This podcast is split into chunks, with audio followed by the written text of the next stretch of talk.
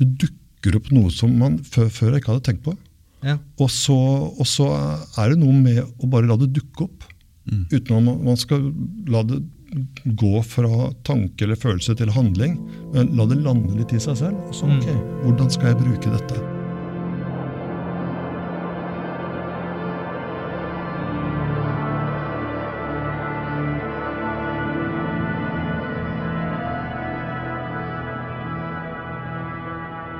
Dette er Skapelsesberetningen.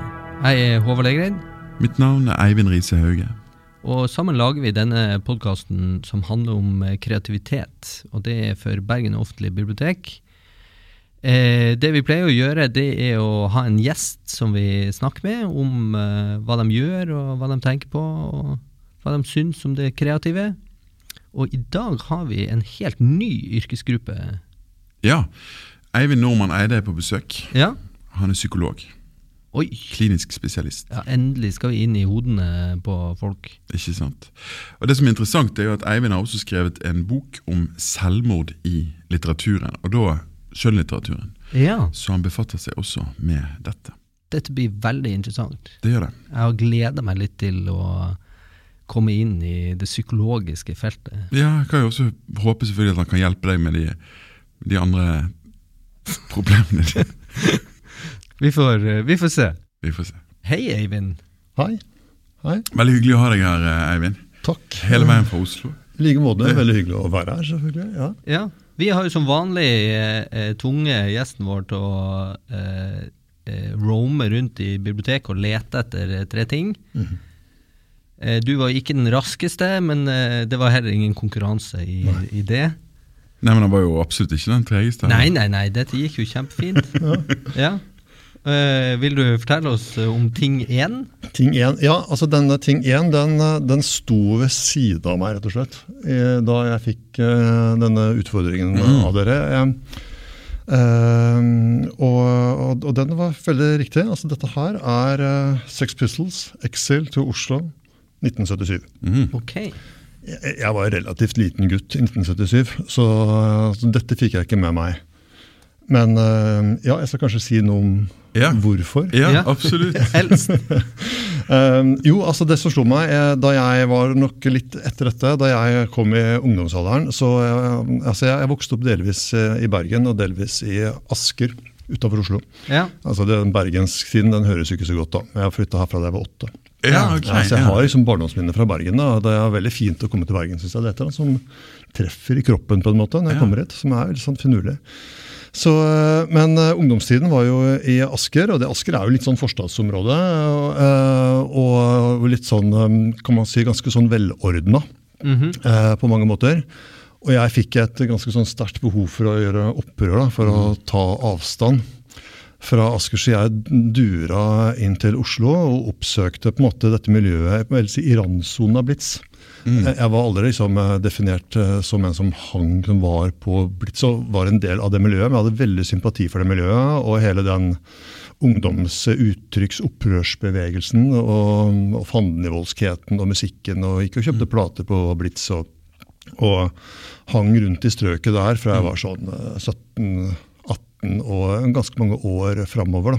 ja, så nå er vi midt på 80-tallet. Nei, litt senere. Nå er vi på nå, ja, slutten av eh, helt slutten av 80-tallet, begynnelsen av Ja. 90-tallet. Uh, og hørte Da var det jo ganske liksom uh, hett rundt Blitz. Ja, det var det. Ja, da, Jeg bodde rett oppe i gata for Blitz da, da det ble smelt en bombe der, blant annet. Og det var liksom denne kampen mot nyna, altså hvor trusselen fra nynazister var en helt sånn reell faktor. Da. Ja, ja. Eh, og folk ble Og dette i den der eh, FMI-tiden. Ja, ja. Riktig. Arne Myrdal, da? Arne, Ja, Arne Myrdal som han snudde ryggen tar vi til. de gutta! Ja. ja. Så det var eh, Så, så eh, husker vi spilte i et sånt eh, litt sånn uh, punkband uh, som, uh, som holdt på bare veldig kort tid. da, så hadde en låt som het 'Skinhead som mer hår enn hjerne'. og liksom var veldig sånn ungdommelig, tøff i trynet, liksom. Ja, så det var, så det var sånn Exil til Oslo, den, den traff meg litt. Vi, liksom, vi, det var sånn å komme seg inn til Oslo og ikke ja, og bare um, å, um, å ta inn da, det byen hadde å by på av alternativ kultur. da. Mm. Og da var det, For min del så var det miljøet rundt uh, altså punken som uh, traff meg veldig godt. da. Det er, det men, men, Hvilket forhold har du til punken i dag, da?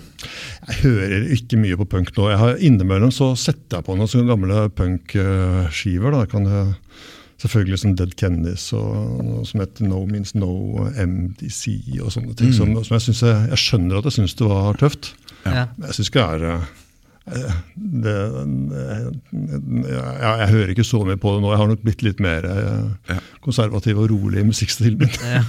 Men så, Hvordan var det da? Liksom, tok du da med hjem disse Sex Pistols-skivene til Asker og 'Hør, mor'? Nå skal du høre. Ja, Jeg husker, altså, jeg husker godt jeg kom hjem. Da hadde jeg vært på platesjappa oppe i er det var andre, andre etasje, eller var det tredje etasje på Blitz. Hvor eh, jeg kjøpte da denne Dead Kennedys-skiva som heter 'Bedtime for Democracy'. Ja. Og den uh, falt ikke i gode jord hjemme. og det er interessant På den tiden, altså 90-tallet, mm. tidlig 90-tallet, da sto jo demokratiet som fjellstøtt. Så da tenker jeg man mm. kunne tillate seg å liksom uh, ta måtte, ung, ungdommelig overmot liksom ta avstand fra det ja. og kritisere det. Nå er jeg jo mer sånn bekymra for demokratiets vilkår i den vestlige verden. Mm. og er sånn, altså, Demokratiet nå er jo liksom faktisk trua på en helt annen måte. Mm enn hva jeg tenker at det var da. Men jeg husker, jeg husker faren min han grein på nesa og syntes at dette var uh, ja, dette var ikke noe særlig å Nei, men jeg føler liksom at Tidlig 90-tall var det var så store omveltninger mm. i, i, verden mm. at jeg tror at den der litt sånn uh, jevne konservatismen, da, eller altså den helt vanlige formen for konservatisme, følte seg veldig trua av veldig mange ting. Ja. At selv om på en måte Sovjetunionen gikk i oppløsning, som mm. var en god ting, ja. Eh, så tror jeg det føltes så usikkert. For du, fikk, du hadde jo liksom det der med altså punk og uh, nynazister som krasja, men så hadde du også satanisme. Og, ja. altså Det var mange sånne utfordrende ideer som, ja, ja. som kom, og som rokka ved det, det vanlige. Mm. Det liksom det ordinært sunne liksom, Ideen om det trygge, familieaktige. Ja, Det er veldig sant, veldig god parallell, egentlig. Altså, for det var jo da greven, altså ja. Varg mm. Vikernes, brant jo ned kirker. og var... Tøyengata, helvete, ja. var ikke det den ja. het? Altså, jeg husker jo, jeg hadde en sånn seanse foran Dagsrevyen med mine foreldre. Hvor det var filma hjemme fra huset til greven, ja. altså, eller leiligheten hans. Mm. Så var det en sånn panorering liksom over leiligheten, og så mm. sa jeg litt sånn Plutselig så bare plumpa det ut av meg. Oi! Så, har du sett? Han har jo Ravenloft. Eh, så sånn rollespill, litt obskur sak stående på hylla. Ja. Og mine foreldre så på meg med sånn skrekkslagen frykt i, i, i, blikket. Og da måtte jeg ha en sånn times uh, debatt uh, i etterkant med forsvaring av denne hobbyen som jeg drev på med. Altså, jeg trodde du skulle si at foreldrene dine så på deg med skrekkblandet fryd. Ja. Nei, de gjorde ikke det. Men det er ikke veldig interessant det der. Sant? Du tar med hjem Sex Pistols som 17-18-åring. og og liksom, og foreldregenerasjonen sant, alltid vil liksom, mm, Nei, dette her uff, ja. sant? Det er veldig interessant. det der, Er det mulig å liksom tillate seg å bli voksen og gammel uten å stivne, men, alltid, men være åpen for, liksom, for, tiden og nye uttrykk? Det er jo veldig interessant spørsmål. Ja, det er, det er, der sitter vi nå ikke sant? og skal ja. ha det som ideal. Da, ja, for eksempel. det idealet, ja. ja. Og så kjenner jeg jo at det er en del ting som slår inn, som jeg må jobbe med. Ja, ja. Eh, hvis jeg skal klare å opprettholde den åpenheten. Da. For nå er, det jo andre ting som på en måte ja. truer eller utfordrer, kan man kanskje si, da, det som eh, vi her, eller jeg har vokst opp med. Ja, sant. Mm. Så, men det var men dette med så Det var musikken her som var viktig, og så var det politiske uh, var veldig viktig. Uh, og som en sånn uh, motstand mot det nynazistiske uh, føringene i samfunnet. Og så var det en del av sånn klesstil og uttrykk. Ja. altså Det skal ja. være svart. Jeg husker jeg brukte sminke og, oh, ja. hår innimellom. Og, og var liksom veldig sånn sånn, eh, bare litt sånn, sånn uh, type eyeliner som markerte Det blir litt sånn androgynt uttrykk av det. Ja, sånn, ja. Det var litt sånn corny, for det, nå, nå, er jeg litt sånn, ser jeg ganske velordna ut, men, men, uh, men da så, uh, du stiller ikke sminket opp foran en pasient? For eksempel, nei, nei, på ingen måte. og, og, og, da da jeg skulle slutte med det, så var det nesten sånn Er det sånn jeg ser ut uten sminke? Det, var liksom, det, så, det så ikke så Jeg, jeg, jeg skvatt litt, liksom.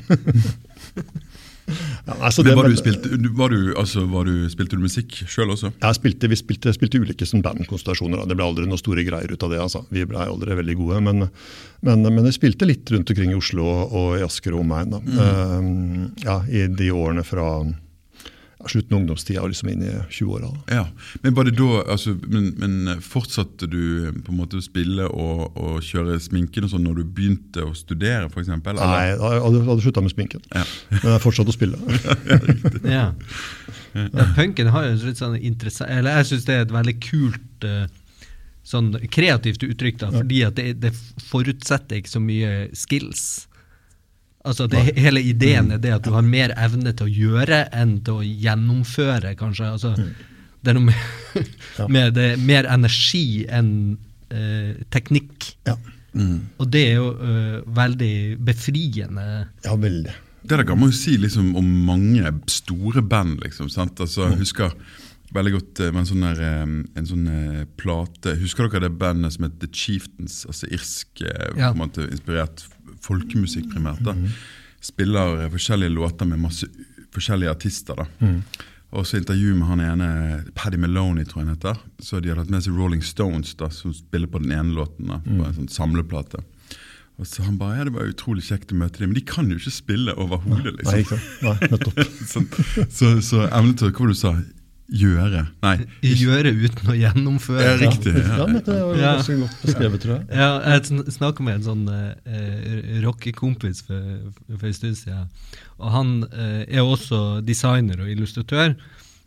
Og han hadde lyst til å innføre eh, altså punk-mentalitet også i grafisk design og, eh, og digital illustrasjon, og ville ha på en måte tregreps Photoshop. Eh, for det syns han mangla, og det syns jeg òg var en strålende for en genial idé. Men det er liksom innenfor sånn digital illustrasjon sett på det, så det er lave altså det er Hvis du kan to-tre triks, da, da, det er dårlig. Det er ingen som liker Men det er egentlig litt kult hvis du har det som logikk. At jeg bare går så pøser jeg på med et par filter, og så Ja, det er fett. For det er jo det de musikerne på en måte gjorde. Du gir på noe fuzz, og så kjører du på med de grepene du kan, og så hyler du litt ut i mikrofonen, så har du masse energi. Du kompenserer med energi i stedet for å ha teknikk. Mm. Altså, Det er litt synd hvis kreative uttrykk blir på en måte underkommunisert bare fordi at det mangler eh, erfaring. Da. Ja. For det, det gjør jo at inngangsterskelen blir litt for høy. ja, men det er veldig parallelt. Mm. Uh, og, og, um, og når du da Altså, Man går glipp av da, sikkert Ja. en del talenter, kan man si, hvis Ja, ja. den terskelen er for høy. Hvis det er man- så, mange som har den energien og har det uttrykksbehovet. Mm. Og Det er vel noe av det som gjenkjente i hvert fall den type ungdomskultur da. og Det er sikkert varianter av det nå også, men som da både publikum hadde jo også et veldig sterkt uttrykksbehov for å bare få ut en hel masse aggresjon. Altså, eller, eh, eh, og, og som da ble veldig tilgjengelig på en måte. Ja. Jeg tror I dag så er vi kommet over i en situasjon hvor liksom overfloden av uttrykk er så stor. Altså Det er så enormt mye, og du kan se verdens beste med en gang. Ja. Det er bare liksom eh, Søk det opp på YouTube eller Ja, ja. whatever, så får du tak i det beste som fins. Mm. Og så ser du det. Det er jo voldsomt demotiverende, egentlig. Mm. For at på en måte så har jo all ungdommelig kreativitet Den strekker seg jo mot den flinkeste i klassen, Mm. ikke mot den flinkeste i verden. Mm. For det er jo en helt umulig oppgave. Ja. Så det tror jeg skaper litt sånn herre Nei, det er ikke noe vits å prøve, for jeg klarer aldri å bli så god. Men det der, er det der er vanskelig spørsmål. sant? Er det sånn at Hvis du er en uh, ung uh, forfatterspire som prøver å skrive noe, f.eks., blir, du da, blir du oppløftet og motivert av å lese Kafka, eller blir du liksom desillusjonert og nei, å, kanskje, kanskje gjøre noe? Det er liksom litt av begge deler, tenker jeg. Ja, men jeg tror kanskje det som er spesielt med litteratur, er jo det at det har, eh, der har tilgjengeligheten på det skrevne ord vært, ganske god eh, s- Ja. ganske lenge. Ja. Mens innenfor musikk, kunst, så har på en måte her har uttrykkene vært veldig begrensa Ja, sånn, ja, frem til mm. et eh, visst tidspunkt, hvor du plutselig så er alle floodgates åpner, og så renner det innover deg. Mm. Sånn at det er mulig at litteraturen har strategi, eller bedre evne til å beherske det møtet med det aller beste. Vi sitter jo nå på Bergens offentlige bibliotek. altså Ja. Apropos bibliotekenes eh, rolle i Ja. akkurat det, har vel sikkert spilt en veldig stor rolle. Ja. Så du kunne jo låne Ka Kafka hele tida Mm. og bli konfrontert med det der kjempegode. Mm.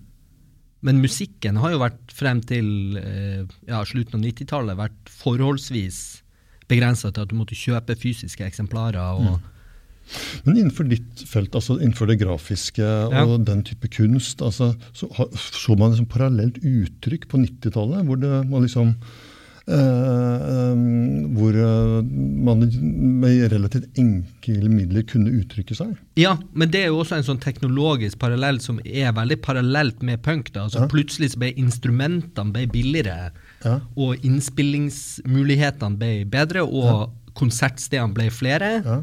Det samme skjer jo på en måte kanskje med, med grafisk design. Ja. er det at en del, en del av de mangfoldiggjøringsteknologiene ble bedre tilgjengelig. Ja. Og så skjønte man å ja, ja, men jeg kan bare klippe med saks og så legge oppå og putte i kopimaskinen. Mm. Så ser det faktisk eh, veldig kult ut. Ja. Og de innenfor den der eh, plateomslagsjangeren i punken, Mm. så er jo det en egen estetikk. Men den var jo revolusjonær, den også. Fordi at den brøt jo med alle regler. De satt ikke med linjal.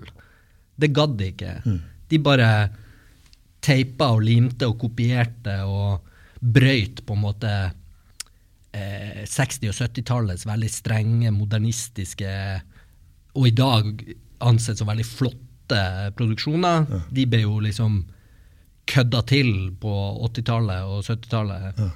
Og enda mer på 90-tallet. Så det, det skjedde jo noe store Men Interessant det er det med instrumentene ble billigere, hvordan det skapte muligheter. Sånn. Ja. tenk hvis eh, Sex Pistol kom, du har det, alt dette i deg, så det eneste du kan få tak i, og det er dritdyrt, det er en fiolin og et flygel. Sant? Det hadde liksom ikke blitt det samme. Nei.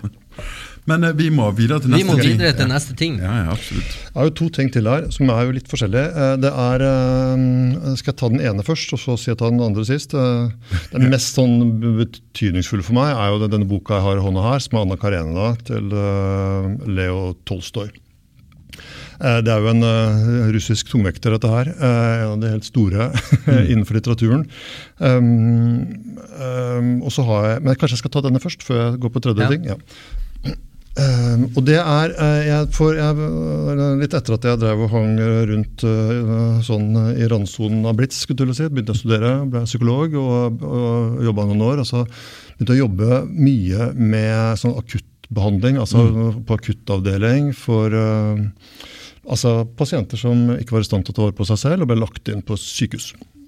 Um, og mange av de var uh, veldig, ble lagt inn pga. Uh, alvorlig depresjon. Og så jobbet jeg parallelt på noe som heter psykiatrisk legevakt eh, nede i Oslo sentrum, hvor man da gjør veldig mye vurderinger knytta til sosialitet. Mm. Eh, er vel sånn uh, røftlig anslår kanskje 70% av de som kommer der, handler om en eller annen form for sosialitetsvurdering. Og da, Når pasienter kommer inn med det, så må man vurdere liksom, hva er riktig om nivå for ivaretagelse, uh, for omsorg. Altså alt fra at pasienten er i stand til å kunne, kunne, kunne reise hjem og klare seg der, til at pasienten må legges inn noen ganger under tvungent psykisk helsevern. Det er jo en debatt som pågår akkurat nå for øvrig i, i nyhetsbildet, uh, hvor mye tvang man skal bruke i Norge. Uh, og så ble jeg liksom, og så har jeg alltid, eller alltid, i uh, veldig mange år vært veldig opptatt av hva, hvordan skjønnlitteraturen kan berike oss uh, i fagfeltet. At skjønnlitteraturen kan åpne opp noen rom da, for forståelse, skal ha noen stemmer som får for meg da, til å tenke rundt faget mitt på en måte som og som åpner opp for sånne perspektiver, for noen sånn forståelse, for noen følelsesmessige innsikter som jeg kanskje ikke får ved å bare lese faglitteratur. Og Så ble jeg opptatt av hva er egentlig skjønnlitteraturen uh, sier om selvmordsfeltet. Det er jo veldig mange forfattere som har latt sine karakterer ta livet av seg opp gjennom litteraturhistorien, kan man jo trygt si. Ja. Uh, og så begynte begynte jeg å lese meg opp på det. og, og da, Det var som å sette i gang en sånn snøball. for, det, det, for Jeg, jeg antok det er jo en god del. Jeg kommer på noen sånn umiddelbart, helt liksom fra Goethe med Unge Werthers lidelser. og til helt sånn, Det, det utgis jo stadig romaner som på en eller annen måte berører selvmordsproblematikken. Mm. Og Det er ikke så rart, for dette her er jo uh, noe som griper veldig veldig sterkt inn i hva det vil si å være menneske. Når man kommer liksom til liksom livets ytterpunkt, da, og man mm. skal velge å leve eller dø. på en måte. Og så, og så begynte jeg da, og da hadde jeg ennå ikke lest Anna Karenina. Mm. Og, så, og så, har den liksom, romanen liksom, vokst veldig på meg. Det er jo en svær roman. som den er liksom, uh, Man kan godt lese den flere ganger og bruke god tid på den. Um, og Som handler jo da om Anna Karenina som det er jo ikke så farlig å komme med spoilere for Nei. en roman som er nesten 150 år gammel. For hun ender jo opp med å ta sitt eget liv. Mm. Men det er kanskje et av litteraturhistoriens største fall. vil jeg si. Hun er jo en veldig høyt, altså vel ansett sosietetskvinne. Mm. Som lever veldig godt på toppen av det russiske samfunnet. Som er, eh, som er gift da, sant, med en uh, veldig sånn velstående embetsmann. Aleksej Aleksandrovitsj. Og så er dette ekteskapet litt sånn det er vel litt uh, seksuelt kjedelig. Hun er, hun er, litt uh, yngre enn han, og han er ganske sånn stiv og veldig sånn konservativ og formell på veldig mange måter. Mm. Det, er, det, er, ikke så mye lidenskap, sånn som hun, han blir beskrevet uh, av Tolstoy. Da. Så møter jo Anna Karena en ung, veldig sjarmerende, livsbejaende greve som heter Vronskij som forsøker jo han, eh, Kvinnene ligger jo liksom langflat etter han. da. Og Anna Karene er jo ganske sånn uoppnåelig, men han setter seg sånn Hun skal han få tak i. Mm. Og det klarer han jo. Mm. Og hun blir jo stormende forelsket. Og det hun forelsker seg i han, så oppdager hun jo alle feilene ved sin uh, ektemann. Det tror jeg sikkert mange kan, som har vært gjennom sånne prosesser selv. altså det de, liksom, de, holder på, liksom. Livet surrer sin gang, og så kommer begjæret et annet sted. Mm. Og så kommer liksom anti, eh, de uh, mer avversive følelsene der de har vært gode før, på en mm. måte. Mm. Men så er det dette samfunnet da, som veldig mye 1800-tallslitteratur uh, tematiserer kvinnens ufrie rolle når det kommer til uh, kjærlighet, når det kommer til begjær. Uh, Ibsen har jo vært innom det, Madame Bovary var jo innom det. altså, Eller den romanen. da, og, og, og, og, hvordan hun blir på en måte utstøtt. Det er jo det hjerteskjærende i denne, i, i, i denne romanen hvordan hun liksom gradvis Det er veldig sånn nennsomt fortalt.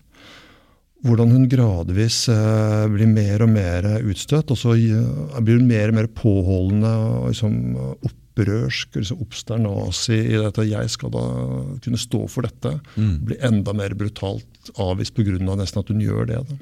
Hun, liksom, hun nekter å bøye nakken. Da. Mm. Og da blir slagene, de psykologiske, følelsesmessige slagene sterkere. på en måte. Mm. Men, og, og, det som er interessant fra et sånn faglig perspektiv, synes jeg, liksom, det, man kunne liksom sett sånn i ettertid, man forstår det, det er veldig mange risikofaktorer for selvmord, men likevel så kommer dette selvmordet som et sjokk. Mm. Og Det viser hvor utrolig vanskelig det er å forutsi. Mm. Et selvmord. Jeg skal ikke ta hele historien, det er en veldig fin parallellhistorie med da to andre som på en måte ikke Uh, som finner hverandre, og hvor kjærligheten uh, på en måte vokser, men som også viser at når man får hverandre, så blir også eh, så det, det, er ikke nødvendigvis, Livet er ikke nødvendigvis enkelt da heller. Så dette er også ganske sånn elegant utført av uh, Tolstoy. Men, eh, men, men måtte selvmordets kompleksitet, altså, og, og vanskelighet, hvor vanskelig det er for oss fagfolk å skulle predikere av en gruppe mennesker som alle har et sett av risikofaktorer, hvem er det som faktisk kommer til å gjøre den handlingen? Det syns jeg denne romanen viser veldig godt, hvor vanskelig det er. Mm. Ja. Eh, som, eh, som, en sånn viktig påminner da, når vi jobber med dette feltet. Mm. At vi må gjøre så godt vi kan. Mm. Og det gjør vi. De aller fleste klinikere strekker seg langt for å gjøre dette så godt de kan, tenker jeg. Men likevel da, så er det noen faktorer vi ikke klarer å kontrollere, og som ja. vi må leve med, på en måte. Mm. Som gjør det vanskelig. Ja, Det var en lang ja. Nei, det var men, ja. veldig interessant. Uh, nå har jo ikke jeg lest uh, Anna Karenina, jeg er ikke så litterat. jeg er ikke Skuffende. Men, men veldig, eh, veldig interessant hvordan litteratur kan være berikende i helt andre profesjoner. Ja. Nå er det jo ikke så langt steg på en måte å si at altså, Litteraturen beskriver jo ofte menneskelivet. Mm. Og de som eh, eh, jobber med menneskelivet rent praktisk, bør jo åpenbart finne det interessant. Ja, jeg tenker jo det. Eh, det er vel, jeg, tror nok det er mange innenfor mitt felt som er over gjennomsnittet interessert i litteratur og teater og Ja. den type historiefortelling. da. Ja. Litt fordi det berører, det er mange berøringspunkter her. ja. Og så kan man i med ikke basere all sin psykologiske kunnskap på, littera- på skjønnlitteraturen og teater, selvfølgelig, men som tenker det er en sånn viktig kilde til eh, å kunne åpne opp for nye perspektiver. ja. Ja. Ja, det, er- det er veldig interessant. Og I, I den forbindelse så tenkte jeg naturlig å kanskje bringe på banen dette med at vi snakket om det litt eh, tidligere i dag, at, at um, eh, psykologer um, her i Norge i alle fall um, Nå er det jo et vell av litteraturfestivaler og, og ting som skjer på litteraturfeltet i Norge, men det er jo ganske, det er ikke rent få psykologer som faktisk er til stede og som samtaleledere osv. på sånne litterære arrangementer. Det er jo faktisk en av grunnene til at uh, du er i byen nå også, er det ikke det? Det er riktig. Mm. Ja. Jeg synes i hvert fall det er veldig interessant. Men i alle fall min bror eh, han er, han er psykolog i, i Danmark. da. Mm. han sa at i Danmark så er det, så vidt han vet, ikke slik. Oh, nei. Ikke på den måten. Så Norge er en eh, sånn avantgarde fortropp der, man vikler psykologien og litteraturen rent konkret inn i hverandre, som jeg syns er veldig, veldig veldig spennende. da. Ja. Utveksling av erfaringer og ulike syn er alltid, alltid svært givende. Mm. Men du har med deg en tredje ting, eh, Ja. Eivind. Ja, det var jo, jeg skulle gjøre dette litt raskt. Jeg syns jo biblioteket, det er jo det, når jeg jeg har snakket med litt sånn psykologer om deres bruk av litteratur, og de, de er jo, mange forteller om hvilken betydning bibliotekene har hatt for det, for å oppdage litteraturen. Men når det kommer til jeg tenker Litteratur er jo mer enn, nei, Bibliotekene representerer noe mer enn det. Det er en møteplass. Eh, og, og, og det syns jeg mange biblioteker er blitt veldig gode på. å måtte utnytte potensialet i. At her skal en plass hvor folk kan oppsøke og være. Og da hører jo med en god kafé. Ja. Så jeg dundra inn på skal vi se, på kafeen og, å- og bare tok med eh, en meny. Jeg, vet ikke om denne menyen her er bra eller dårlig, riktignok. Eh, jeg har ikke prøvd den. Den er bra, er den ikke det, Håvard? Jo da. Jeg, jeg har faktisk bare endt opp med drikkemenyen, faktisk. Eh, nei, for jeg, nei, her er det litt varme retter også. Ja. bare drikkemenyen var litt eh, Det er ikke så mye ja, De selger jo faktisk eh, både det ene og det andre her, ja. Eh, men, så, og, og det tenker jeg er Det setter jeg selv veldig pris på. Eh, og s- det er noe med å kunne møtes et sted, og man kan, eh, enten man er på et bibliotek eller man er på en utstilling, eller det er et sted hvor man mm, søker noen kulturelle inntrykk. inntrykk, og kunne sette seg ned Ja. og snakke med mennesker. Som jo er eh, jeg tenker, eh, Inntrykkene må på en måte eh, settes på plass sammen med mennesker. Da. Og da er jo kafeen eh, eh, en av disse møteplassene som eh, vi, eh, så som vi trenger. eh, og eh, som, eh, jeg tenker liksom I sydlandske kulturer så har man kanskje litt mer piazzaene, så man mm, mm, treffes ute i det offentlige rom. Ja. I Norge så har kanskje disse kafeene en sånn funksjon. Mm. Det er et offentlig rom. Da er det litt ruskete vær ute, og sånn, og da er det fint å trekke inn på en kafé. da. Ja, det er jo betydelig mye mer, eh, mindre gjestmildt eh, utendørs i Norge store deler av Ja, året. ja. Så det har kanskje med, litt med det å gjøre. Men så har man kanskje mangla Jeg tror jo litt sånn historisk at eh, altså at i nordisk sammenheng at, eh, at det har vært eh, ugjestmild temperatur og, sånn. Og eh, hvordan får man folk til å møtes? Og vi har jo ikke egentlig hatt en veldig stor kafékultur før i nyere tid. Ja.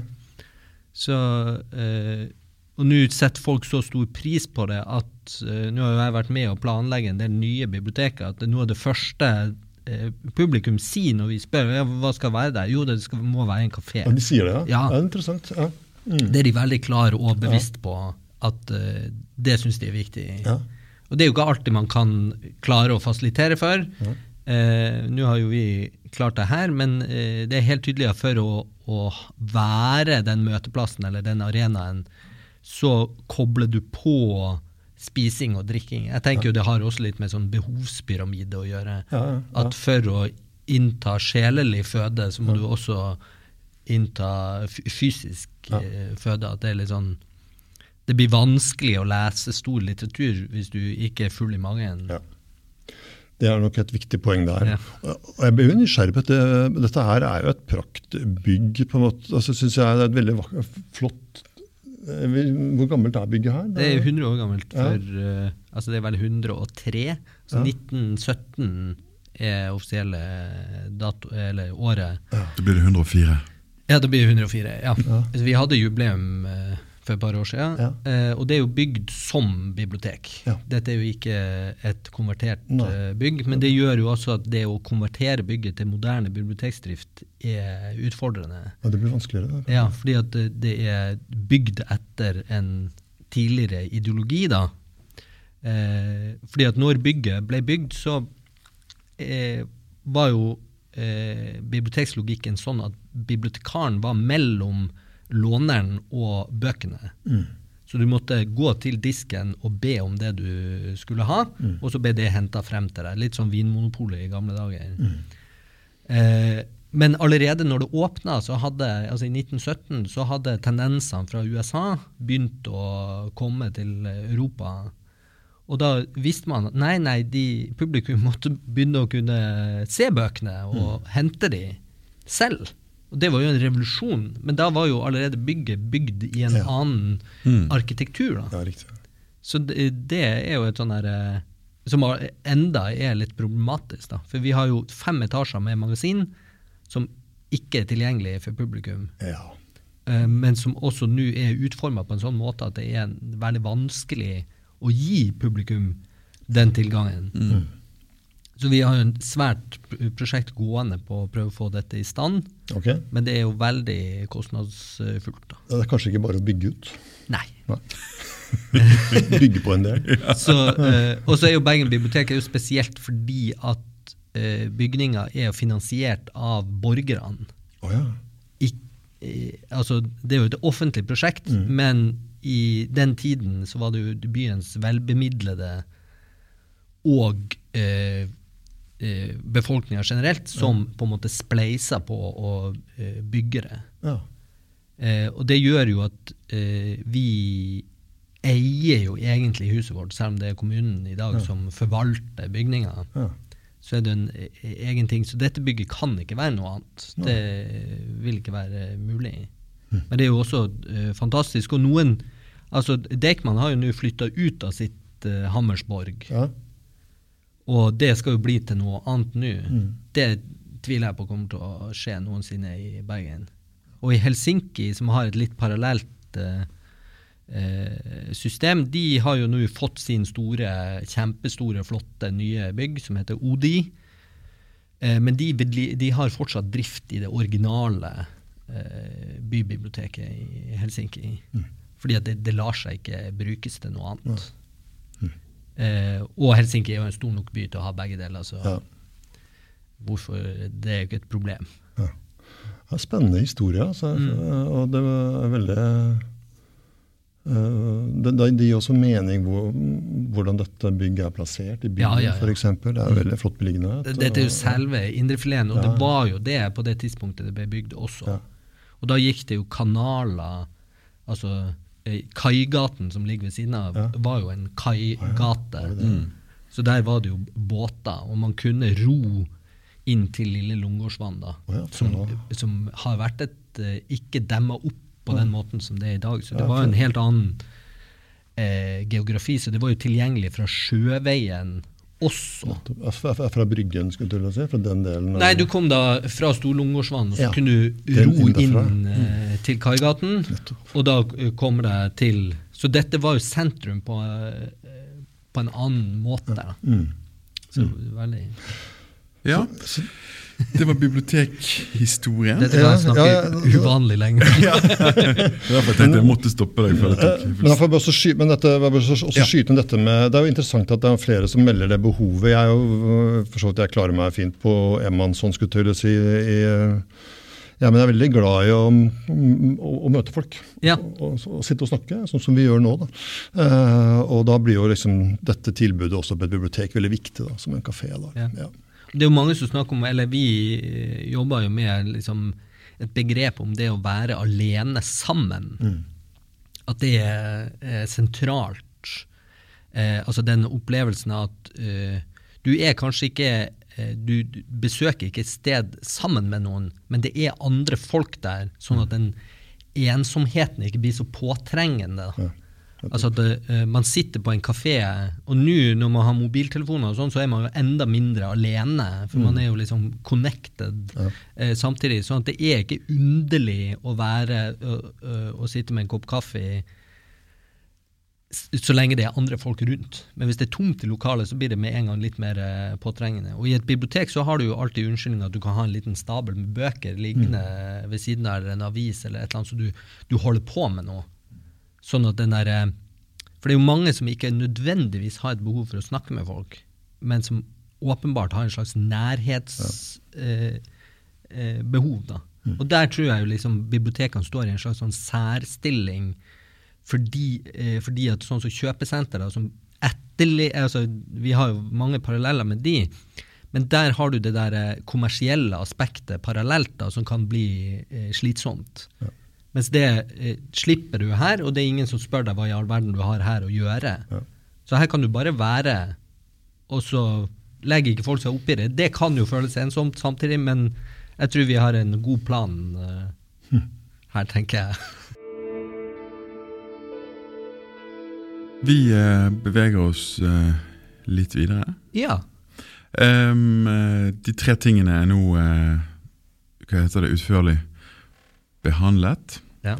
Ehm, jeg tenkte jeg bare skulle spørre deg, Eivind. eh, kanskje begynne der. Hva, hva eh, jobber du med nå? Jeg vet, du, jeg vet jo at du har skrevet det har vi også nevnt i, introduksjon, i introduksjonen her, at du har skrevet eh, denne boken om selvmord i litteraturen. Men jeg tenkte jeg bare skulle først spørre deg om hva du jobber med sånn rett og slett rent eh, profesjonelt innenfor faget ditt. Min vanlige jobb. Ja, din Ja. vanlige jobb, også kalt. Jeg, jeg, jobber på, eh, altså på, som psykolog, da, så på psykolog, eh, spesialist innenfor klinisk psykologi, som det heter, eh, på Oslo universitetssykehus. Mm. Til på Ullevål sykehus. Ja. Eh, og der er jeg i noe som heter Nasjonal kompetansetjeneste for personlighetspsykiatri. Ja. Det ligger innunder en altså poliklinikk, dvs. Si et behandlingssted hvor pasienter eller mennesker kommer til sine timer og bor hjemme eller andre steder.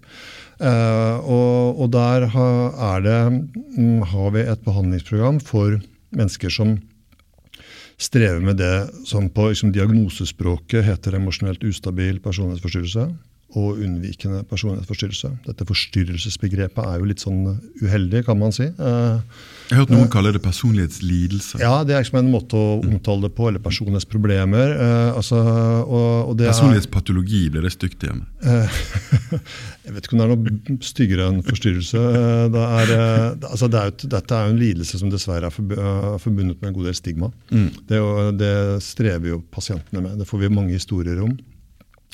Også at de kan oppleve seg liksom stemplet uh, i møte med helsevesenet. Ja. Uh, Sånn type 'du er jo Ja. vanskelig'. Og, Ja, du er jo sånn, Ja, så du mm. skal ikke ha dette. Altså den type, og, og, og at man glemmer det, at dette er jo på mange måter høyst forskjellige mennesker med samme diagnose, og som alle vil ha ulike eh, behov til ulike tider. Akkurat. Slik at det å ha som du skal aldri ha, eller du skal alltid ha, det, det rimer liksom dårlig med psykisk helsevern og psykoterapi. Man må liksom finne ut at det fins alltid noen nyanser. da i møte med også denne pasientgruppen. Men samtidig, dette her er også diagnoser som i beste fall kan utløse virksom behandling. Ja. Spesielt når det kommer til de emosjonelt ustabile. Der har vi nå de siste 20-30 årene har blitt utviklet mer og mer virksomme behandlingsmodeller for denne gruppen, som man før tenkte ikke, man ikke hadde noe behandlings... øh, eh, eller spesifikk behandling å tilby. Så det er veldig good news. Eh, og vi har et sånt program i Oslo som, som jeg jobber halvparten av tiden min i, som gruppeterapeut og individualterapeut. Så jobber jeg i denne kompetansetjenesten, som eh, driver mye sånn kurs og kompetanse, informasjons, kunnskapsformidling til eh, terapeuter eh, rundt omkring i, i Norge. Akkurat. Betyr det at du reiser rundt og holder foredrag og Ja. opplæring? Blant annet. Eh, nå det, Etter mars i fjor da, så ble jo mer flytta over digitalt, men vi har reist mye rundt. ja. Uh, og, og holdt kurs både innenfor diagnostikk, og behandling Ja. eh, og veiledning eh, for hvordan å møte disse menneskene som strever med disse tingene på best mulig måte. Bare to kjappe oppfølgingsspørsmål mens jeg husker det. Eh, du sa at eh, Så det er disse to personlighetsforstyrrelseskategoriene dere jobber med. Mm. Men, de, men de andre personlighetsforstyrrelsene som finnes, de havner ikke hos dere? da? Er det slik å forstå? Nei, ja, altså det er, jo, det er jo på en måte et kort svar på det, og det er jo Nei, det er riktig. og så er det et litt sånn lengre svar på det. Ja. For det er altså Vi har jo tradisjonelt sett operert med sånne kategorier av personlighetsforstyrrelser. Altså De mest kjente er jo dimensjonelt ustabil, unnvikende antisosial personlighetsforstyrrelse, narsissistisk personlighetsforstyrrelse, tvangspreget det er Som eksempler på noen av de som man er relativt kjente. Eh, eh, vi har ikke altså Man er på vei liksom bort fra disse kategoriene i helsevesenet. Man tenker at man har mer eller mindre personlighetsproblemer, kan man si. Ja. Eh, og, og, og at det er stor måte, heterogenitet, som man sier, eller ulikhet innad i hver kategori. Det er en svakhet ved disse kategoriene. Det er også slik at det, man, De overlapper en god del. altså Egenskaper forbundet med, med emosjonelt ustabil kan overlappe med egenskaper forbundet med øh, avhengig eller mm, Histrionisk. histrionisk. Ja, helt riktig. Hva betyr det? Dramatiserende? Ja, okay. veldig sånn, Kanskje liksom er veldig opptatt av å få oppmerksomhet og bruker ulike strategier for å få oppmerksomhet. Mm -hmm. uh, men ikke sånn eh, kanskje, eh, men på en litt ulik måte enn det narsissistiske. på en måte, Selv om de er litt sånn bror og søster ja. i diagnosesystemet. Ja. Um, og, um, og, uh, men vi har eh, per i dag ikke gode nok behandlingsmodeller f.eks. For, i forhold til det antisosiale. Og det er et problem. For det er kanskje den lidelsen som man ser mest av i helsevesenet, og bortsett fra unnvikende og emosjonelt ustabil. Man finner mange av de som er innenfor kriminalomsorgen innenfor rusfeltet. Eh, og skulle gjerne hatt bedre behandlingsmodeller. Men om dette jobbes det med eh, rundt omkring. De har et svært prosjekt i England. Uh, det er et prosjekt på gang her i Norge for å på en måte, undersøke hva som kan være god behandling for den gruppen. Og ikke minst, hvem innenfor den gruppen er som profitterer på behandling, Ja, og hvem er som ikke gjør det. Ja. Det er også et spørsmål i fagfeltet. Altså, det er noen som dropper ut, det er noen som ikke får det til. Hva er som kjennetegner de versus de som faktisk profitterer på terapien? Sånne spørsmål driver øh, psykoterapiforskning og er opptatt av. da. Vanvittig spennende felt, eh, forresten. Ja, det er, vel- ikke sant? Og du, og, altså, jeg kan jo nevne din siste bok, da, Eivind. Altså, Gjerne det. Eh, ja, altså nå bare korrektur av en uh, sorgenskapittel. sorgskapittel. Bare stå helt stille for meg. Ja, ja. Som jeg har, jo har lest. En veldig flott roman som jeg tenker også berører kanskje noe av denne litt sånn selvrettferdige, Mm. litt sånn utagerende, voldelige karakter. Mm. Som jo man kan møte, tenker jeg, kanskje liksom i det terapeutiske rommet. Ja. Eh, og hvordan skal man få et, hjelpe et menneske til å regulere sine impulser på en bedre måte? Og Ja, før det er for seint. Ja, før det er for seint. Og ta litt sånn ansvar for det. Mm. Eh, og, og, så, og det er et, et, sånn, som psykolog et godt eksempel på å lese eh, skjønnlitteratur som gir oss en innenfra-perspektiv på en type som jeg tenker ja, han her kan jeg møte. Ja. Hvordan skal jeg møte denne tematikken? For å liksom komme dette, hjelpe dette mennesket et stykke videre. Ja. Et stykke på vei. Det var veldig det var spennende og Ja, glad for det, å høre. det var veldig god kudos til det. Det andre spørsmålet jeg hadde, bare, um, det er unnvikende personlighetstypen. Dukker de opp til time på poliklinikken, eller unnviker de? Ja, Det er jo selvfølgelig et godt spørsmål. Ja, eh, det er nok en god del unnvikelse. Altså, Mange her vil ha en lavere terskel for å melde avbud til en time. Men de dukker i hovedsak opp, er min erfaring. Ja. Eh, og for mange her har jo et veldig sterkt ønske om kontakt. Mm. Eh, Ønske om, eller jeg vil si mm, de med unnvikende personlighetsfølelse har et ønske om kontakt. Kan du si et par ord om hva en sånn personlighetsforstyrrelse innebærer? Ja, veldig i vedvarende lav selvfølelse, overbevisning om å ha lavere verdi enn andre, frykt for å bli avslørt i sin, eh, egenopplevde mangel på kompetanse og verdi. Mm. Og dermed så unnviker man arbeidsoppgaver, man unnviker aktiviteter, man unnviker uh, nærhet. Fordi den nærheten forbindes gjerne med en overbevisning om at man blir avslørt som verdiløs. Mm. Eller mindre verdifull. Mm.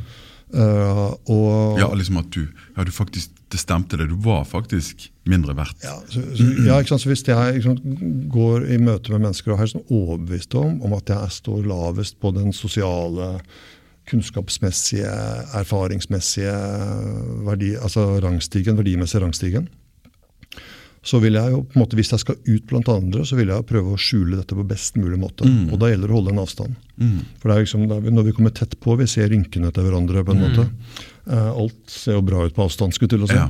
Og, og, da, og det, dermed så blir nærhet veldig skummelt. Mm. For da vil jeg i min verden være helt overbevist om at andre vil se meg slik jeg ser meg selv. Riktig. Så det man da ikke får til hvis man strever med dette, er å tenke at andre kan se meg på en annen måte enn det jeg ser meg selv. Mm. Altså kunne, kunne få en differensiering mellom min vurdering av meg selv og andres vurdering av meg. Ja, Det slår meg jo sånn det er jo disse narsissisme Eh, unnvikelse, eh, histrionikere, altså dramatisering. Det slår meg at vi, vi, har jo alle noen av disse trekkene i, i gitte tilfeller. ikke sant? For eksempel eh, eh, I det øyeblikket man har gitt ut sin siste bok, så er man jo en periode der jævlig selvopptatt, f.eks. Derfor mm. må, jeg, må jeg bare erkjenne det. Mm. Og, og, og, så videre. Og, du kan, også, og man, man, føler seg oh, i, et, i, et, visst selskap så føler man seg eh, eh, ikke på topp sant? og kanskje liksom redd for å bli avslørt. Altså for eksempel det der Man kan plutselig få en sånn følelse at man er en bedrager. Eller, mm. eller, sånne ting. Så jeg tenker at liksom, eh, vi alle, kanskje, eller alle, men iallfall mange av oss har nok sånn litt trekk av alle disse personlighetsforstyrrelsene, ja. uten at det er noe som dominerer livet vårt i den grad at det blir en forstyrrelse eller et stort problem. Ja. Men, men eh, hvor mange vet man noe, Har man noe tall på hvor mange eh, prosentmessig som, eh, av voksne mennesker i samfunnet som har en eller annen form for personlighetsforstyrrelse? Som kvalifiserer ja. til diagnose? Ja, man har noen tall på Jeg bare så si først i til det, det, første du mm. sa, at det, akkurat det gjør det veldig spennende å jobbe i dette feltet. Mm. For det er helt enig med deg. De aller fleste vil kunne kjenne igjen. Mer eller mindre. Dette er, dette er menneskelige egenskaper mm. som de med personlighetsforstyrrelse bare strever mer med. Enn de aller fleste andre. Det er på en måte opphopning av problematiske trekk da, som mm. på et eller annet tidspunkt klikker inn på det man i diagnosesystemet har funnet ut. Ja. heter en personforstyrrelse. Men altså, de aller fleste vil kunne kjenne igjen en form for selvinnførenhet. For eksempel. ja, ja. Glede over oppmerksomhet. Mm. Øh, ønske om anerkjennelse eller at følelser noen ganger kan overvelde. Man er midt oppi en konflikt med kjæresten sin, og det bare koker over. Og man mister helt evnen til å tenke klart. Det blir helt mm. bombel i hodet. Altså. Mm. Eh, eller at man innimellom bare har lyst til å sende folk eh, pepperen gror, liksom. Sånn skruppelløst. Mm. Altså, eh, men problemet er når det blir for mye av det. Ja. Men, men, er helt enig, og det gjør det veldig meningsfullt å jobbe i det feltet. Da, for mm. dette er så på en måte menneskelig.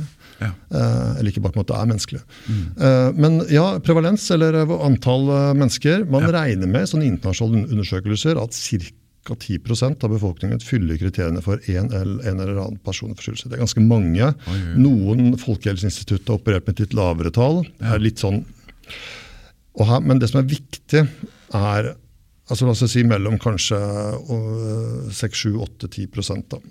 Ut ut, ut fra ulike undersøkelser. Dette er mye. Mm. Men så er det ikke alle disse som krever spesialisert behandling. for her må man huske på at Innenfor den gruppen så er det veldig stor variasjon av alvorlighetsgrad. Og vi tenker at f.eks. det er kanskje mellom 0,5 eh, og 1,2 eller ca. 1% som fyller kriteriene for en emosjonelt ustabil personlighetsforstyrrelse. Mm. Da må man snakke om et langt lavere tall igjen. Ja, Totalpopulasjonen. Ja, totalpopulasjonen. Mm. Og unnvikende er det litt flere av. Mm. Det er den det er flest av i Norge, bl.a. Så man har liksom i noen Men det er vel grader av fungering innenfor disse her eh, Absolutt. Ja. Eh, jeg kan kjenne igjen, selv om jeg sitter her på podkast nå, jeg kan uh, kjenne igjen noe av det unnvikende i meg, f.eks. Uh, og kan forstå en del av den, av den frykten på en måte som kan oppstå. og hva blir det koster. En, blir du da en ekstra god behandler av nettopp de med den lidelsen, fordi ja. du kan har større gjenkjennelse? Det er et godt spørsmål. Mm. Jeg tror Man kan, man skal ha et ganske reflektert forhold til sine egne ting for at det skal være til god hjelp. For man kan jo også stå i fare for å overidentifisere seg. Mm. Det har jo vært, også vært en sånn diskusjon i fagfeltet. altså The, the wounded healer. altså Mm. Den sårede altså, behandler. Er det bra eller ikke? Mm. Og, og, jeg tror liksom det, det er et sånn ideal kanskje om at intet menneskelig skal være meg fremmed. kan man si. Mm. Jeg tror jeg som kunsten kan spille en rolle for å på en måte åpne opp for ulike måter å oppleve det å være menneske på. Yeah. Og at det skal være en sånn god ting inn i behandlerrollen. Men jeg tror nok det er en forutsetning at den har et reflektert og bevisst forhold til det, slik at den ikke mister pasienten av syne. Hvis det blir for likt sitt eget, og man blir fanget av sitt eget, så er man kanskje også litt sånn ute og sykler. altså. Eh, så det, jeg vil si det kan være en eh, fordel noen ganger, men det er ikke nødvendigvis sånn. Mm. Jeg bare slo meg at i, for I rusomsorgen så bruker man gjerne erfaringskonsulenter Ja, ja. mer og mer. Mm. Uh, Og det er ingen dum ting. Mm. Det tenker jeg det, er- det er en godt supplement til behandlingen. ja, Ja. riktig. Bare sånn Apropos det, det unnvikende i Norge, altså, eller i Skandinavia. Man har liksom, lurer på om det finnes et sånn Arctic type. altså at Vi er, Ja. litt, vi er litt mer kanskje Unnvikende. sånn unnvikende her oppe i vår kultur. Ja. Uh, og Ja. dermed så finner man litt flere. Kanskje ikke det for en del av de som har en sånn mild variant av det, ikke utgjør så stort problem. ja. Men for de som virkelig har dette som et problem, så er det en veldig alvorlig ting. Det vil jeg si forbundet med mye funksjonssvikt og veldig mye lidelse. Ja, til å gå inn på bussen eller trikken eller bybanen, eller et eller annet, og hvis det er et ledig dobbeltsete, så setter man seg jo der. Man går ikke og setter seg ved siden av en eh, altså I vår kultur, da. Du går ikke og setter deg sammen med noen andre og begynner å prate. liksom. Men Mm. Det gjør man i andre kulturer. Det gjør man i andre Ja. kulturer. Men jeg tror jo det har litt med det vi var inne på tidligere. altså at de, de, de fysiske rammebetingelsene, altså at selve livsmiljøet i seg sjøl eh, har kanskje eh, favorisert en viss type atferd. da. Ja. Eh, som er det at det er kjøligere enn andre plasser. Eh, sånn at du, du blir kjøligere. Det er jo mange som hevder på en måte at eh, nord, nordeuropeere er kjøligere. Det er liksom ordet man bruker på. Eh, og det er jo gjort studier av sånn her eh, atferdspsykologisk at hvis Eh, hvis du holder en Nå gjengir jeg dette bare veldig sånn grovt, men eh, det var et studie hvor du, du holdt en kald drikk i hånda, og så hilste du på et nytt menneske. Og så skulle du, eh, som et kontrollspørsmål i slutten Det var selvsagt et sånn her falsk eksperiment hvor du ble spurt om noe annet enn det de egentlig forska på. Og så ble de spurt etterpå den personen du møtte når du kom ut av heisen, vil du karakterisere, hvordan vil du karakterisere? Og så var det noen eksempler. Og da var det en overdreven tendens til å si hvis de holdt en kald drikk, så oppfatter de personen som kjølig. Og hvis de holdt en varm drikk, så oppfatter de personen som varm. Og det var samme personen i hele Sånn at de fysiske betingelsene gjør noe med hvordan du oppfatter en situasjon. Så det blir jo sånn kontekst, da. Mm. Som jeg tenker også må være veldig viktig innenfor mm. det psykologiske. Ja. Vi har litt lite trening på den piazzaen. Ja, I eh, vår kultur, kanskje. Ja. og det er litt kaldere. Og det er litt kaldere, og dermed så, uh, så er folk sånn rent konkret kaldere. Ikke sant? Nå kommer klimaendringene. Ja, Så Ja. nå kanskje vi tør litt opp. eh. uff, uff, uff. Til um, boken din eh, eh, 'Selvmord i litteraturen'. Du, du snakket jo litt om Anna Karenina innledningsvis. Ja. og, og eh, Vil du si litt om det prosjektet? Ja, det kan jeg gjøre. Det, jo, det var jo, Den skrev jeg jo i 2000, eller kom ut i 2016, men jeg hadde holdt på med dette liksom til og fra i noen år. Eh, og, og der, eh, etter hvert, da, så jeg begynte å lese flere og flere romaner, sånn som jeg var inne på, i stad, 1800-tallstematikken. Flere, i hvert fall, verk. eh, det snakket jo, skrev om dette liksom tabubelagte på den tiden temaet kvinnens frigjøring. Da, da Ibsen skrev 'Et dukkehjem', det blei vel forbudt mange steder, så vidt jeg husker. Og det var jo et ramaskrik. Han var jo en opprørsk mann altså, som skrev om det som kvinnen som forlot mannen sin. Folk ville ikke sette opp stykket. Mm. Eh, slik at dette var på det, i den konteksten ganske sånn radikalt. Eh, men men, eh, men så, så etter hvert så begynte jeg å liksom, fikk lyst til å skrive om altså, eh, et Selvmord er forbundet med gjerne sånn opphopning av risikofaktorer. Altså En risikofaktor kommer sjelden alene. En risikofaktor kan være alvorlig psykisk sykdom, det kan også være rus.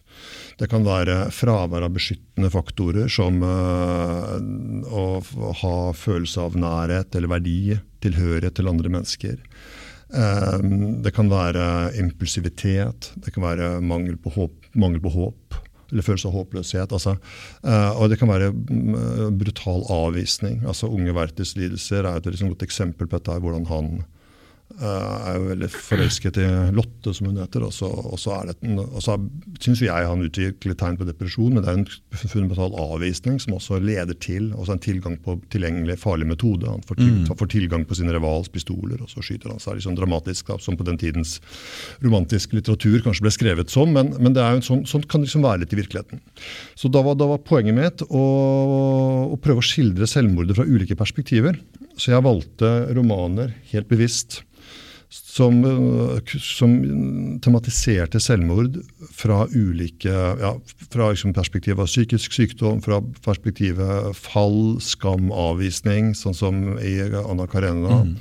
Uh, en uh, tyrkisk forfatter, Oran Pamuk, mm. uh, vant jo nobelprisen for romanen sin 'Snø'. Mm.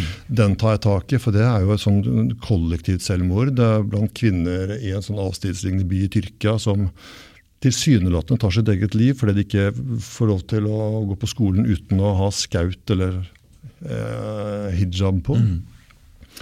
Eh, så det er det kulturelle og liksom smitteperspektivet knyttet til selvmord, som vi ser i enkelte subkulturer. altså at eh, når først én gjør det, så kan flere gjøre det. Mm. Den, det er jo en fare. Eh, og så er det liksom lyn fra klar himmel, selvmord. Altså unge menn som bare sånn tilsynelatende ser ut til å ha et godt liv, går hen og tar sitt eget liv. Dem mm. er det jo en del av. Mm. Uh, som er en roman som tar tak i det. Og så, så jeg gikk gjennom da, altså forskjellige ti romaner tok jeg tak i, ja. som skildrer selvmordet fra ulike perspektiver for å på en måte samlet sett uh, belyse et mangfold. Mm. Uh, prøve å vise at det er så mange veier inn i dette. og, og så bruker jeg jo da en del faglitteratur til å forstå det. da. Og så er det jo absolutt en del i skjønnlitteraturen som vi ikke skal tre faglitteratur nedover og bare skulle forstå, for det er en del ting som kanskje ikke lar seg forstå så godt, mm, men som mm. vi trenger en skjønnlitterær stemme til å fortelle om. Ja, Så det, var, så det endte opp med da, denne boken. Altså. Med ti, uh, ti, verk. da, og Så er jeg litt innom uh, virkeligheten. Jeg, jeg, skriver litt om Kurt Cobain bl.a. Knyttet til fare for smitte. og Ian Curtis i, mm. i Joy Division, mm. som også hadde eh, Det var en del somatisk sykdom som spilte inn, kanskje. Det vet vi ikke, men som er sånne historier fra virkeligheten som har vært ute i offentligheten. Og han var syk, han? Curtis? Ja, han hadde epilepsi. Han hadde så, såkalt fallesyke. Så han ja. falt jo sammen på scenen. og Det var et sterkt nederlag. og var veldig redd for å holde konserter. og Så utviklet han vel også depresjon. og Så var jo mm. dette stjernestatusen. og Så ble det en mm. utroskapsepisode, og så var det et brudd. og så Det var mange faktorer her. Ja. Men han hadde epilepsi. og det er jo et, eh, Sånne faktorer spiller også inn da, for man orker å men de holdt, de, disse to siste her, de holdt jo på en måte gående ganske lenge og var utrolig produktive. Ja, ja eh, på et vis. Og det skulle man jo på en måte tro at hvis du har en, en patologisk personlighetsforstyrrelse, hvis mm. du liksom så er du så ute å kjøre at det er liksom det er vanskelig å få gjort noe som helst. Så at du blir litt sånn uh, hemma. Ja, hemmet av uh... Ja, altså at omstendighetene gjør Altså du er så deprimert eller uh, dramatisk. eller altså Det er sånne ting som gjør at du får ikke Altså kreativiteten ja, altså, kreativiteten mm. din ja, sånn, ja. lider voldsomt. da. Ja, det tror jeg du har rett i. altså ja.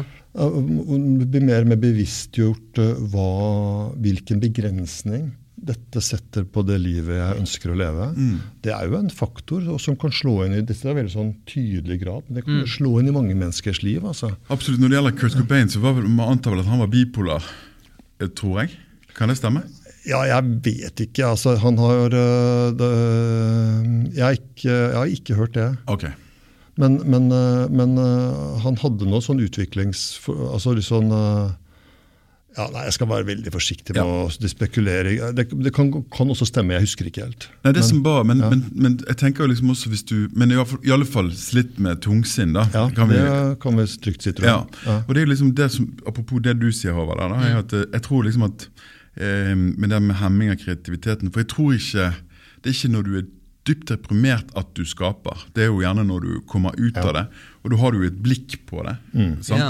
På et vis. da, At det er da i hvert fall mange forfattere som har slitt med depresjon, har jo ofte virket på den måten. Når du kommer ut av depresjonen liksom sånt, etter en tid, da kan du behandle det kanskje skjønnlitterært. Ja. Men når du sitter midt i det, så er du jo kanskje ganske apatisk. Eh, ja. Vil jeg tro. Ja, altså jeg vil jo tro at det ofte kan føre til at du, du blir så dysfunksjonell. Altså at det å bringe noe nytt til torgs, mm. det er jo nesten det mest umulige. av Alt du klarer knapt nok å ta bussen. Eh, mm. liksom hvordan i all verden skal du da mm. kunne produsere noe innsiktsfullt eller betydningsfullt uh, for, for, verden? Ja. Det, og, det, og, dette er helt enig, og det, og det har det jo kommet eh, mye uh, god for eksempel, litteratur ut av. Mm.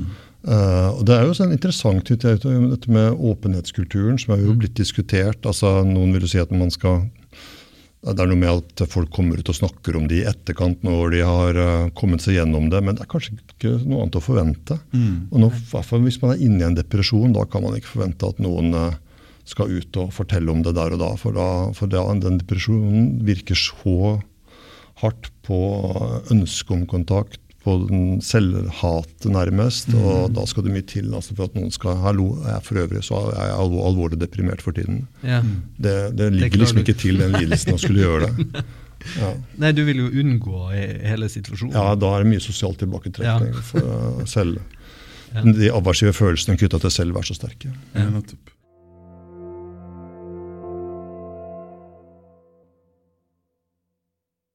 Jeg tenker jo kanskje at eh, altså et lite sidespor, men at uh, lytterne våre trenger kanskje å forstå hvorfor vi mener at du spesifikt er interessant å snakke om kreativitet. Jeg syns jo det er selvinnlysende, men altså akkurat det med den innovative Vi opererer jo med en litt sånn utvida kreativitetsdefinisjon, uh, hvor det handler om at man tilfører noe nytt av verdi er, har jo vært vår litt sånn operasjonelle definisjon. Mm. Eh, og det er jo helt tydelig at din kobling med eh, psykologien og litteraturen er jo en sånn Det er jo to, to ting som uh, fins, og så kobler man de, og så får man noe nytt. Mm. Og forhåpentligvis noen nye innsikter. da. Hva tenker du om den? Jo, takk, Det var veldig hyggelig sagt. Jeg føler at jeg hviler på noen skuldre her. Altså. Okay, ja, ja. Det, er, det, er, noen i fagfeltet som også gjør dette veldig mm. godt. Sissel Gran f.eks. er en veldig, veldig god på å vise hvordan skjønnlitteraturen belyser eksempler her ute. og, og jeg leste også nylig en bok av eh, eller både Sissel Gran og Siri Gullestad. Begge to er jo fremdragende fagpersoner i generasjonen over meg i fagfeltet, som har skrevet hver sin bok om begjær. Mm, Begge mm. bruker jo aktivt skjønnlitteraturen som ja. på en måte eksempler på hvordan dette kan utspille seg. Som jeg tenker gir leseren som liksom kjøtt og blod da, ja. på er det noe som er, består av kjøtt og blod, så er det vel uh, begjær. skulle til å si. Mm. Uh, slik at det er, men, men, eh, men at uh, jeg, jeg, har nok gått veldig sånn systematisk liksom, til verks i det. har vært veldig opptatt av det lenge, men jeg er ikke alene om det. det er ikke. Men det er nei, nei. sagt. Da, men, si, men, men når kjenner du deg eventuelt da sånn kreativ i forhold til yrkesutøvelsen? Ja, Det er et godt spørsmål. Det er, jeg tror kreativiteten kan vel så mye oppstå i terapirommet. Ja. Mm. Eh, altså eh, å, klare å ha et fleksibel og åpen tenkning i møte med det pasienten kommer med. Ja Og behandle det på en ikke, ikke at jeg som terapeut skal blomstre over av kreativitet og assosiasjoner, det tror jeg ikke nødvendigvis er så bra. Nei. At jeg skal klare å tenke fleksibelt og nytt. Ja. Og oppdage noe i meg i møte med pasienten som mm. kanskje kan hjelpe pasienten eh, til å oppdage noe han eller hun også. Eller oppdage noe mellom oss. Mm.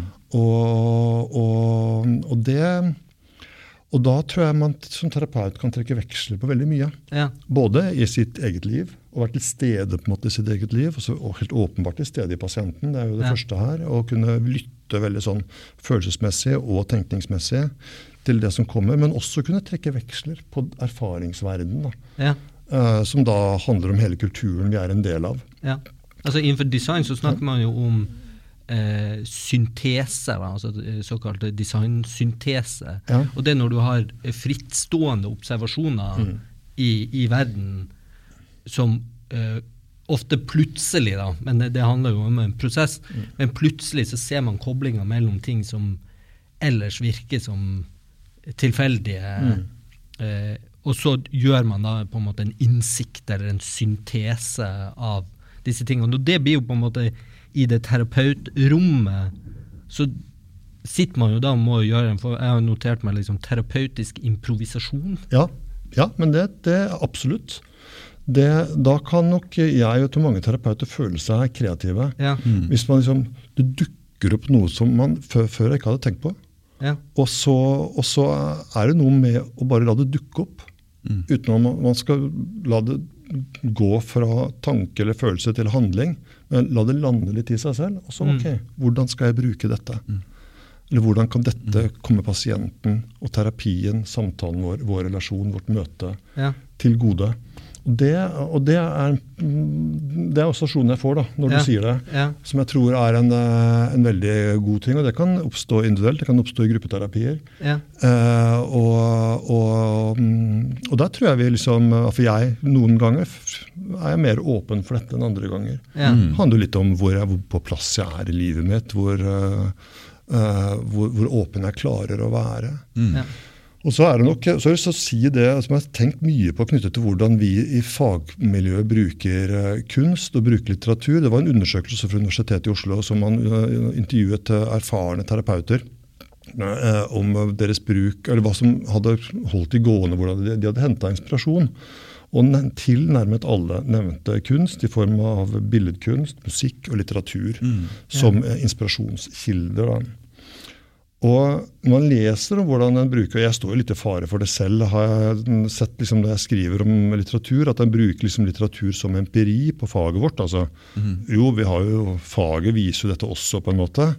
Men jeg tror kanskje kunsten fungerer best når den står på egne ben. Når vi ikke skal bruke faget vårt til å på en måte refortolke kunsten, Ja. men å la kunsten bare åpne opp for oss. Ja. Eh, for det, det er kanskje noe av det fremste kunsten kan by på, er å åpne opp stemmer, dører som vi ikke allerede har tenkt på. Så kan vi jo gå og undersøke og bruke det som hypotesedannelse og prøve å forstå dette videre. Men bare la det være. Og det var da jeg tenkte på Anna Karenina. for å gå tilbake dit, som dette, altså, Selv om vi vet alt det vi vet, så kan dette skje så impulsivt og plutselig. Og det er liksom en veldig god beskrivelse på det, som, som, eh, som vi ikke skal, som jeg tror kunsten skal få lov til å være, stå på egne ben også for oss fagfolk. Men kan du oppleve situasjoner i terapirommet eller i gruppeterapi eller sånt som nærmer seg en slags sånn flytsituasjon, hvor det bare Oi, der gikk hele den eh, timen, eller eh, Ja, det, det, absolutt. ja. Absolutt. Uh, og og det, er, det er veldig spennende hva være som gjør det. Mm. Uh, og, og det er ikke så godt å si. Nei. Det er jo sånn eh, man, liksom, det er sånn man ikke legger merke til mens det skjer. Mm bare tenk på det etterpå. Ja, ja, men jeg tenker at det er jo spesielt for psykologer som havner nesten i et sånn metaplan her. Fordi at man er både altså Hvis den terapeutiske situasjonen kan være kreativ, og så skal man kunne være analytiker på hva er mennesket for noe, så skal man jo både forstå prosessen og være i Ja. prosessen. Og det, det er klart, Om det er bra eller dårlig hvis den mister helt uh, tid og sted, Ja. det vet jeg kanskje ikke. For det er jo klart, eh, Jeg får jo lyst til å supplere meg selv. Jeg snakker jo veldig fram betydningen av litteratur og kunst, men det er klart vi er jo, skal jo benytte faglitteraturen Ja. og faget vårt og ha hele tiden med oss hva er det eh, teoriene Ja. og forskningen sier. Det er jeg også veldig opptatt av det. Uh, og å sitte og være konsentrert om disse nivåene i møte med pasienten er jo, Ja, er, er noe av det som er veldig viktig, tror jeg. Å liksom hele tiden ha den, den jeg snakker med, i syne, og samtidig ikke miste av syne det jeg vet som fagperson. Ja. Uh, og da kan jo tiden gå fort Men at jeg mister sånn helt tid og sted, jeg vet ikke. Det er ikke sånn at plutselig så har jeg gått 20 minutter over tiden fordi jeg har glemt tid og sett. Det, det skjer jo ikke. Nei, nei, men jeg tenker jo at du, du må jo kunne komme i situasjoner hvor du føler at det var et, et gjennombrudd som er kjempestort. Absolutt. Og nå gjorde vi liksom et et sprang, og det har jo direkte parallell på en måte til skapelsen av et litterært verk. eller... Ja. Det er jo det, så vidt jeg skjønner, alle forfattere higer jo etter den der, det svevet. At det bare renner ut, og så står du dagen etterpå og tenker nå brøyt du gjennom Ja. eh, liksom Det var gjennombruddet. da. Ja, for det er så finurlig. Altså, psykoterapien kan jo på en måte først og fremst bestå av veldig langsomme, små endringer. Og samtidig, plutselig, så kan man få en sånn Wow, Ja. hva var det som skjedde nå? Dette er noe nytt. Dette har du ikke fått til før. Altså, Du nevnte det å gå på trikken og ta bussen i stad. Eh, en eh, pasient jeg hadde som eh, hadde jo det som et ekstremt stort problem. Altså, Og var helt isolert. Og så hadde det vært sånne små endringer hvor plutselig så oppdaget han at han satt på bussen eller trikken i eh, Oslo uten å tenke over hva andre tenkte om han. Ja, akkurat. For han ble det bare Hva var dette, liksom? Mm. Altså, eh, og, og, og, så, og når han da begynte å tenke på det, så kunne man jo forestille seg at han da, da begynte han liksom Å, nå ser de hvor liten jeg er, eller Ja. nå ser de hvor forferdelig dum jeg ser ut. Eller at det da kom disse gamle tankene. Men da hadde han allerede klart å få såpass god evne til å, å tenke om sitt eget mønster at han klarte å regulere dette er jo mine egne greier. Og da slapp det tak igjen. på en måte. Og dette var jo på én måte små endringer, men når han virkelig oppdaget forandringen, så var det som en stor forandring. Ja. Slik at eh, det var litt sånn mm, på en måte begge deler. Og sånn tror jeg det kan være litt. Forhåpentligvis da, så vil, når man går i terapi og gir seg selv den tiden det noen ganger tar, da, eh, eh, oppleve noen sånne eh, både små forandringer og store forandringer. Mm. Og disse er jo veldig eh, Man kan jo si at hvis man gjør en oppdagelse da, som har faglig betydning, som ikke bare har nå sier jeg bare og bare, men som ikke kun har eh, utstrekning til akkurat den pasienten. Hvis man ser oi, nå gjorde vi noe riktig som muligens kan flere kan lære, og da gjør man jo skaper man jo kreativ verdi i flere ringer utover til fagfeltet. Ja, eh, det tror jeg. Og det er klart det er noen retninger innenfor terapien som nok eh, er, nok, mm, som eh, er veldig mm, opptatt av dette. At, ja. at terapi er, handler liksom om noe som er eh, liksom nyskapende i den enkelte relasjonen. Ja. Nyskapende i enkelte møter. Men det har jo skjedd store nyskapninger innenfor eh, terapeutisk praksis gjennom de siste 20-50 år. Ja, og det er jo et eh, Her har du jo virkelig Det er jo en forholdsvis ung vitenskap. Jeg skulle til å si det. Ja. Vi er jo et ungt fag. Ja. Og det, og det er veldig mye som gjenstår. Ja. knyttet til utvikling av eh, forståelsen av terapi. Vi har en del mm, tanker om mm, effektive terapimodeller, men vi vet veldig lite om hva det er med disse som, eh, terapimodellene som er effektive, og hvor i hvilken grad de modellene samvirker med terapeutfaktorer. Altså, det er helt åpenbart at uh, terapeuten som person spiller en rolle. Ja. Eh, Men hva er det med terapeuten som er så viktig? Ja. Det, det, er- det, er, det, er, er, er fall mindre klart. Man har, det, er i fagfeltet noen eh, tanker om det. Men, men nødvendigvis hvordan det samvirker med modellen, er ganske uklart. Og så har du en hel rekke andre faktorer i et menneskes liv som påvirker terapien. Altså Blir det samlivsbrudd? eh, Skjer det en, på en, måte, en eh, dramatisk hendelse i en pasients liv, så vil jo det påvirke terapien f.eks. Mm. Altså, så, her er det et samspill da, av eh, virksomme faktorer som vi har veldig mye igjen å utforske. Ja. Som jeg, som jeg tror vi, Så det er en spennende fremtid. Ja. Eller, eller, altså, når det kommer til utviklingen også av dette faget. Da. ja. For det leder meg egentlig inn til det som er mitt siste spørsmål. Nå har jeg sittet og sjekka mentalt av på okay, det der ja. eh, arket mitt. uh, uh, og det er liksom Hvor ligger psykologiens Altså i din oppfatning da, og i, innenfor ditt felt, hvor ligger de store utfordringene fremover? Altså hvor er det den, uh, man kan utøve mest innovasjon eller fremskritt? Ja, det var et interessant og er et godt spørsmål. Uh, Når det kommer til psykolo Psykologien er jo et stort fag. Det er ikke alle det er psykologer som jobber med terapi. Men Nei. for meg, da, som Ja. er terapeut, som jobber innenfor det kliniske, så tenker jeg uh, at det spennende nå er hvordan enkelte terapimodeller er virksomme for for enkelte pasienter. Slik at det ikke er én terapiform som virker for hele den diagnosegruppen f.eks. Ja. Og hvordan, hvilke terapeuter Hva er det som kjennetegner de terapeutene som lykkes best? Vi Ja. vet en del om at de terapeutene som lykkes eh, Altså det er noen terapeuter som lykkes med å gjøre pasientene sine mye friskere enn andre terapeuter. Men hva er det som kjennetegner de terapeutene, og hvordan kan vi eventuelt bidra til at flere terapeuter får til akkurat det som de får til? Mm. Det syns Kan det ha med rent menneskelige, personlighetsmessige egenskaper å gjøre. Ja, Vi er helt klart inn i det feltet. Mm. Og, og lar det seg gjøre noe med eller ikke? Det er jo et spørsmål. Ja, kan vi forandre oss? Ja. Ja, for det blir jo litt sånn, det blir jo interessant om uh, Nå har jeg lest eh, Geir Kaufmann eh, sin veldig lette Ja. bok om kreativitet, Mm. og han uh, peker jo på, uh, på at eh, innenfor Det som er forska på, er forfattere og arkitekter, så vidt mm. han refererer til. da. Mm. Hvor eh, arkitektene har en litt spissere personlighetstype enn eh, forfatterne. Men Mm. Ja, i hovedsak så er de ganske like. Ja. Ja. Men arkitektene er eh, litt mer breiale, Ja. eh, og forfatterne er litt mer tilbaketrukne og Mm. eh, kanskje tenderer litt mer mot det introvert eh, spekteret. Eh, men da er, hvor, eh, hva er den der kreative personlighetstypen til psykologene? Hvilke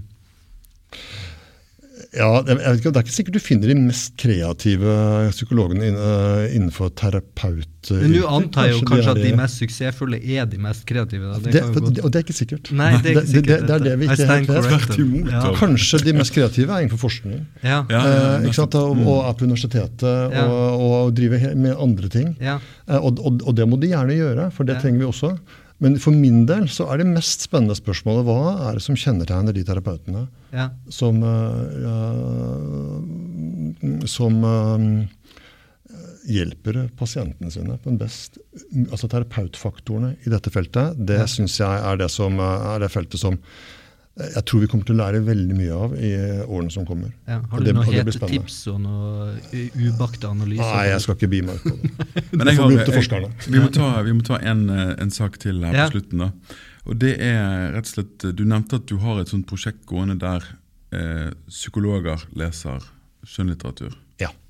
Kan du fortelle bare avslutning, avslutningsvis litt om det? Ja, gjerne. Det er, det er jo litt i forlengelse av den boka vi snakket om i stad. Eh, Så har jeg tatt intervjuet allerede en god, eller så har jeg knippe terapeuter som har gjort seg liksom eh, bemerket ved at de aktivt bruker skjønnlitteraturen når de skriver om faget sitt. Sissel Gran er jo en av de jeg har snakket med og skrevet om i psykologen, altså psykologtidsskriftet. Ja. Og, og, og, jeg, og dette er planlagt nå som etter hvert som et eh, større prosjekt, eh, som jeg skal forhåpentligvis kunne gi ut i bokform. Hvor, hvor, eh, hvor eh, jeg er jo genuint opptatt av å høre hvordan de bruker litteraturen. Både, eller Hvordan litteraturen har spilt inn i, for, for, i deres eget liv. Noen forteller historien at det var en roman som satte de på sporet av å reise til USA. USA. Og tok psykologutdannelsen sin, Ja, sin, sin der, og jobbet og virket der på en måte så enorm som impact på livsvalg. Da. Og, så hvordan, og, og, og da, det, så det som er veldig spennende med det, at jeg har bedt de ta utgangspunkt i ett verk som har betydd noe spesielt mye for det, Og det har på en måte blitt en sånn inngang til å snakke om det veldig sånn, litt sånn personlig. For Da begynner vi å snakke om noe mer. Da begynner vi å snakke om liksom, verdier, hvem vi er som mennesker, som lar oss påvirke av disse historiene. Ja. Eh, også det er tenkt da, som en sånn um, samtale, som en sånn eh, samling av samtaletekster. Hvor vi snakker om litteratur og om psykologyrket, eller terapeutyrket. Jeg har en psykiater med også. Og, og, eh, og, og livet, kan man si. Så stort og det kan høres ut. Ja. Nei, Dette er en bok jeg gleder meg stort til å lese. Kjempespennende. Eivind. Vi Ja. er kanskje ved veis ende, er vi ikke det? Håvard? Jo, med mindre Eivind har noe han brenner inne med. Nei, jeg har ikke Å nei, det. Nei, jeg har ikke det.